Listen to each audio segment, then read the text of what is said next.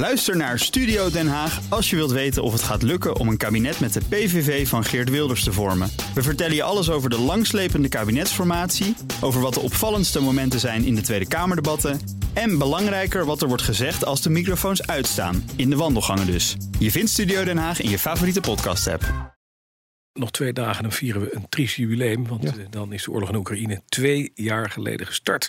Door die eh, speciale militaire operatie, de invasie in Oekraïne door Poetin. En als we de laatste berichten mogen geloven, neemt hij geen genoegen met wat hij nu in Oekraïne heeft. En kunnen we ook nieuwe aanvallen verwachten van de Russen. We gaan ook praten, uiteraard, over de toestand in Israël. En over de benoeming van eh, Rutte tot NAVO-secretaris-generaal. Waarschijnlijk gaat het 4 april gebeuren, zo zegt Jaap de Hoopscheffer. We gaan al het nieuws bespreken met uh, buitenlandcommentator Bernard Hammelburg en Europa-verslaggever Geert-Jan Haan. Mannen, goedemorgen. Goedemorgen. Ja, nou, Biden had zich al uitgesproken, zegt Politico voor uh, Rutte als secretaris-generaal. Tweederde van de NAVO-landen, zo berekende de Welt am Zondag afgelopen zondag altijd, uh, dat hij het gaat worden. Gisteren Jaap de Hoop Scheffer, het zou 4 april zijn als de NAVO zijn 75-jarig bestaan viert. Nou, die heeft natuurlijk ook inside information als ex-NAVO-generaal. maar er zijn natuurlijk onder die 31 leden, Bernard, wel wat landen die misschien voorwaarden stellen. We horen dat de Turken en de Hongaren misschien niet zo ja, klakkeloos akkoord gaan. Turken en Hongaren liggen nog een beetje dwars. Er zijn ook berichten dat uit de Baltische Staten gemopper komt omdat daar twee kandidaten waren die, die ook die baan wilden. Maar zegt de NAVO, die hebben nooit de officiële procedure gevolgd. Die hebben ze niet kandidaat gesteld, om het even simpel te houden. Maar die, die mopperen. En er is nog wel meer gemopper. Maar ik denk dat um, het verhaal over de steun van Biden... Dat uh, nu um, volgens Politico uh, wordt, uh, die schrijft dat toe aan een US official... maar reken maar, dat, dat is hij of zelf, of het is... Um, de minister van Buitenlandse Zaken. Want mm. ik denk dat ze het zo doen. Maar in ieder geval, uh, als dat waar is, en ik denk dat je daarvan uit kunt gaan, dan is dat ver uit de belangrijkste rol. Want door, doorgaans, wat Amerika wil bij die NAVO, dat gebeurt gewoon.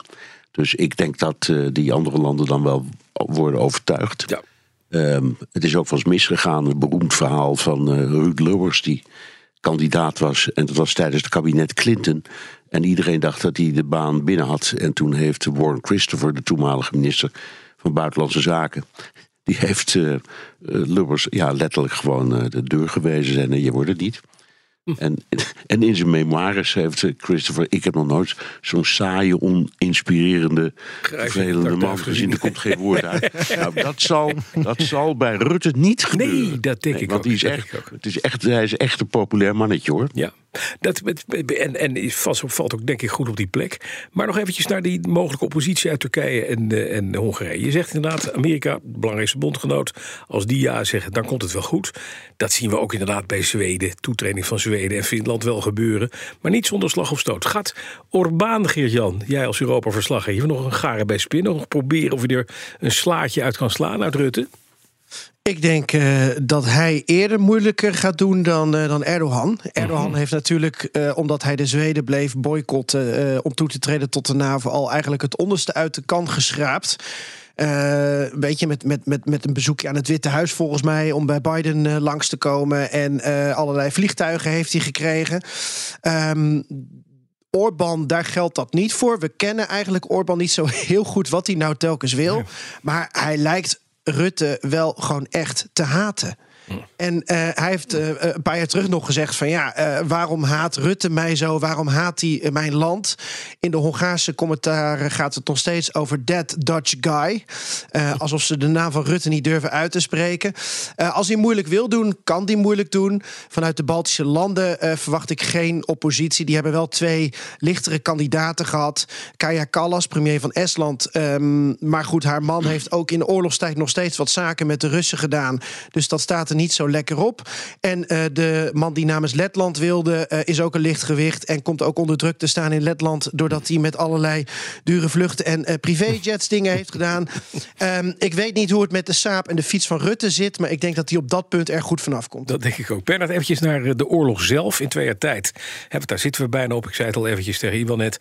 Hebben de Oekraïners Poetin zijn zin niet gegeven. Ze hebben hard teruggevochten. Moreel was groot. veel aandacht uit de rest van de wereld. Op dit moment heeft hij nog steeds 15% van het Oekraïns grondgebied in handen en bouwt uit hè, na de val van Afdivka. Ehm, en hij wil nu meer. Dat is wel het laatste wat je zou willen horen, maar dat heeft hij zelf gezegd. Dat heeft hij zelf gezegd, uh, nou aangegeven. Uh, het is trouwens iets waar iedereen, hè, ook bij ons nu, die, die, uh, die, die hele periode door steeds maar op heeft gewezen. Als we hem daar niet stoppen, hè, het Westen, dan, ja, dan komt Moldavië, Georgië aan de beurt. En wie weet is er ook dreiging voor de Baltische Staten. Ik weet niet of het allemaal waar is hoor, maar dat verhaal dat hoor je steeds.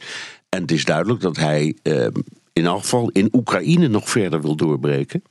Uh, en niet, nou voorlopig niet wil denken aan um, een, een, een, situatie waarbij hij zegt: Nou, laat maar gaan praten, want uh, het is toch een padstelling geworden. Hij vindt dat dus niet. Mm -hmm. Hij denkt: ik, ik, Het gaat zo goed met de, de Russische opbouw en Um, het gaat zo slecht met Oekraïne. En hij kijkt natuurlijk ook naar wat er gebeurt in, uh, in Amerika, waar het congres maar het maar niet eens wordt over steun aan Oekraïne. Um, dat, um, hij, hij voelt zich gesterkt uh, en niet verzwakt. Ja. Nou heb jij vanmiddag uh, in BNR De Wereld, hè, wat je maakt, Bert Koenders op bezoek, de baas van de AIV.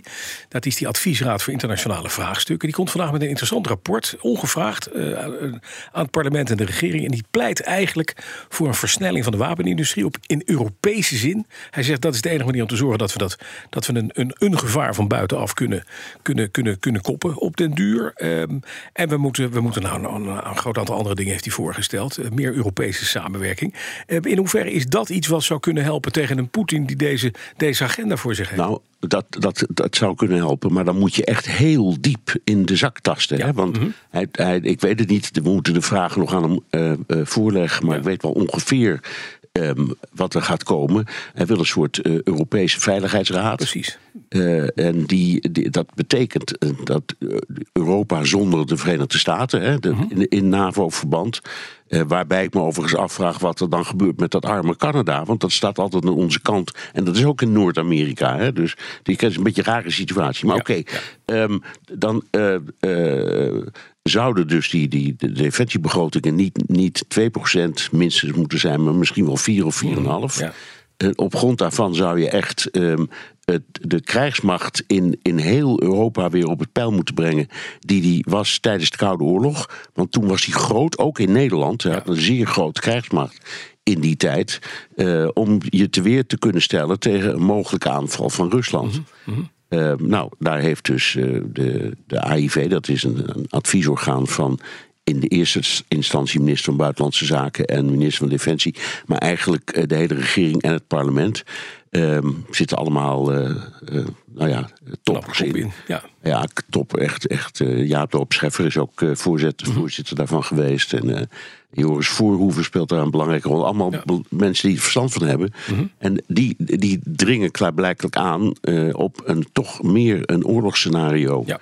En een oorlogseconomie. Ja. Uh, ook in Europa. Ja, precies. En de Russen zijn er een stukje verder mee. Gert-Jan, als we daar naar kijken, hè, even terug naar de situatie in Oekraïne zelf. Zie je nog mm-hmm. lichtpunten? Uh, uitblijven van steun uit Amerika. Europa wat niet met één stem spreekt. Het feit dat we inderdaad te weinig investeren, te, te langzaam kunnen upscalen om te zorgen dat we tot, tot munitieleveranties kunnen komen. Enzovoort, enzovoort. En ondertussen de Russen die hun oorlogseconomie wel goed voor elkaar hebben. Is het niet een doemscenario waar we nu uh, tegenaan kijken?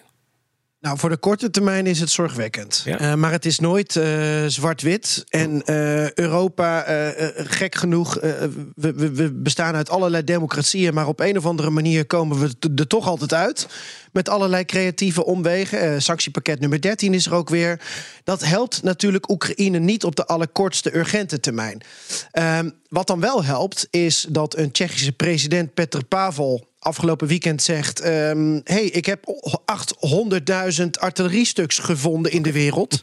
155 mm en 122 mm. Die 155 is NAVO-standaard.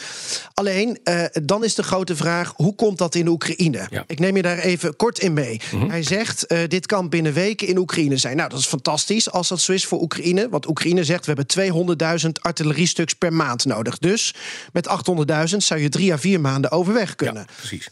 Maar. Um, De Tsjechen zeggen, ja, we willen wel dat andere landen meebetalen. Nou, Canada, hé, daar is Canada, leuk voor ze. Die hebben gezegd, wij willen wel een tikkie van jullie...